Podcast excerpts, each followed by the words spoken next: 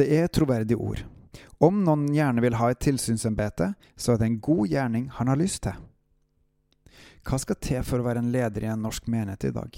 Det er dagens fokus i Gud i sentrum ut ifra 1. Timoteus kapittel 3.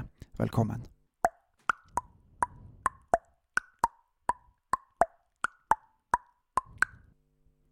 Om noen gjerne vil ha et tilsynsembete, så er det en god gjerning han har lyst til.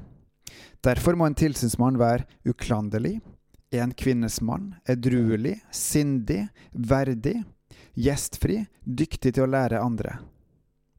Det er litt av en eh, kravliste som står oppført her nå, og vi har ennå ikke kommet halvveis. Hvorfor er det så strenge krav?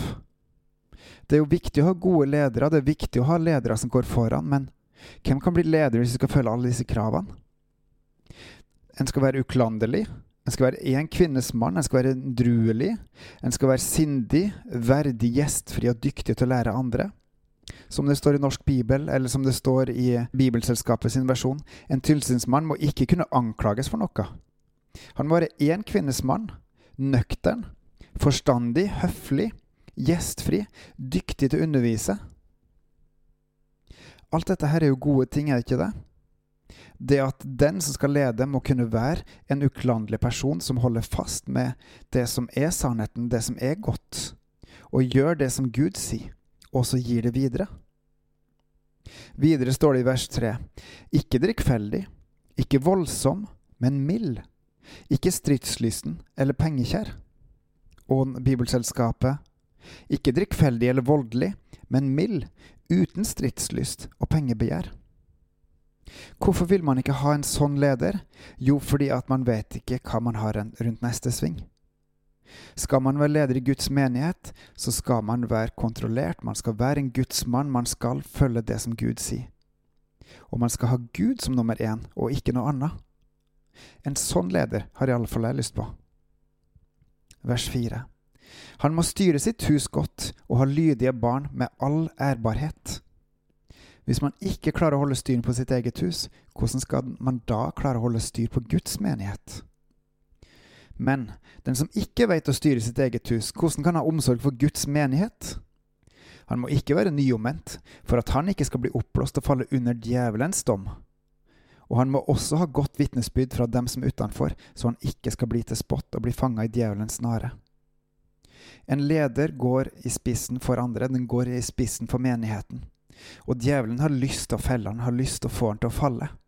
Og det ser vi dessverre eksempler på rundt omkring i verden i dag. Og flere kommer det til å bli. For vi kristne, vi gjør feil, og vi synder. Men vi har mulighet til å omvende oss og følge Gud igjen. Og vi har også muligheten til å stå imot disse både dommen og fristelsene og farene og fellene. Fordi vi har en Gud som er størst. Han er større enn alt, og han har gitt oss sin ånd, og han vil lede oss.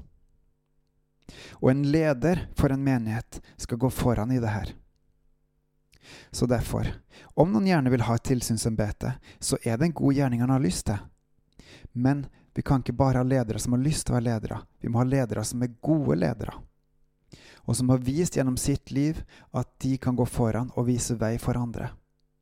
Ikke fordi at de er perfekte, men for at de holder fast med Gud og har blitt opplært av Han til å holde fast med Han og det Han sier, og alt som er av Hans. For at Gud skal bli æra. Er din leder av denne typen?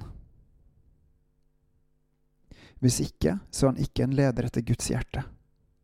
Er han det? Veldig bra. Det heter at litt surdeig ned hele deigen. Pass opp hvis du har en leder som ikke er etter Guds hjerte, som ikke er etter det som står her i 1. Timoteus 3. For hvem veit hva som kan vente rundt neste sving? Det er en god gjerning å ha lyst til å ha tilsynsarbeidet, men Gud vil ha de som er kvalifisert for det, inn i de stillingene, sånn at Hans rike kan vokse, at Han kan utøve sin velsignelse, at Hans ord står fast, og Han blir løfta fram til Hans ære og ikke blir leda på andre veier. På gjenhør.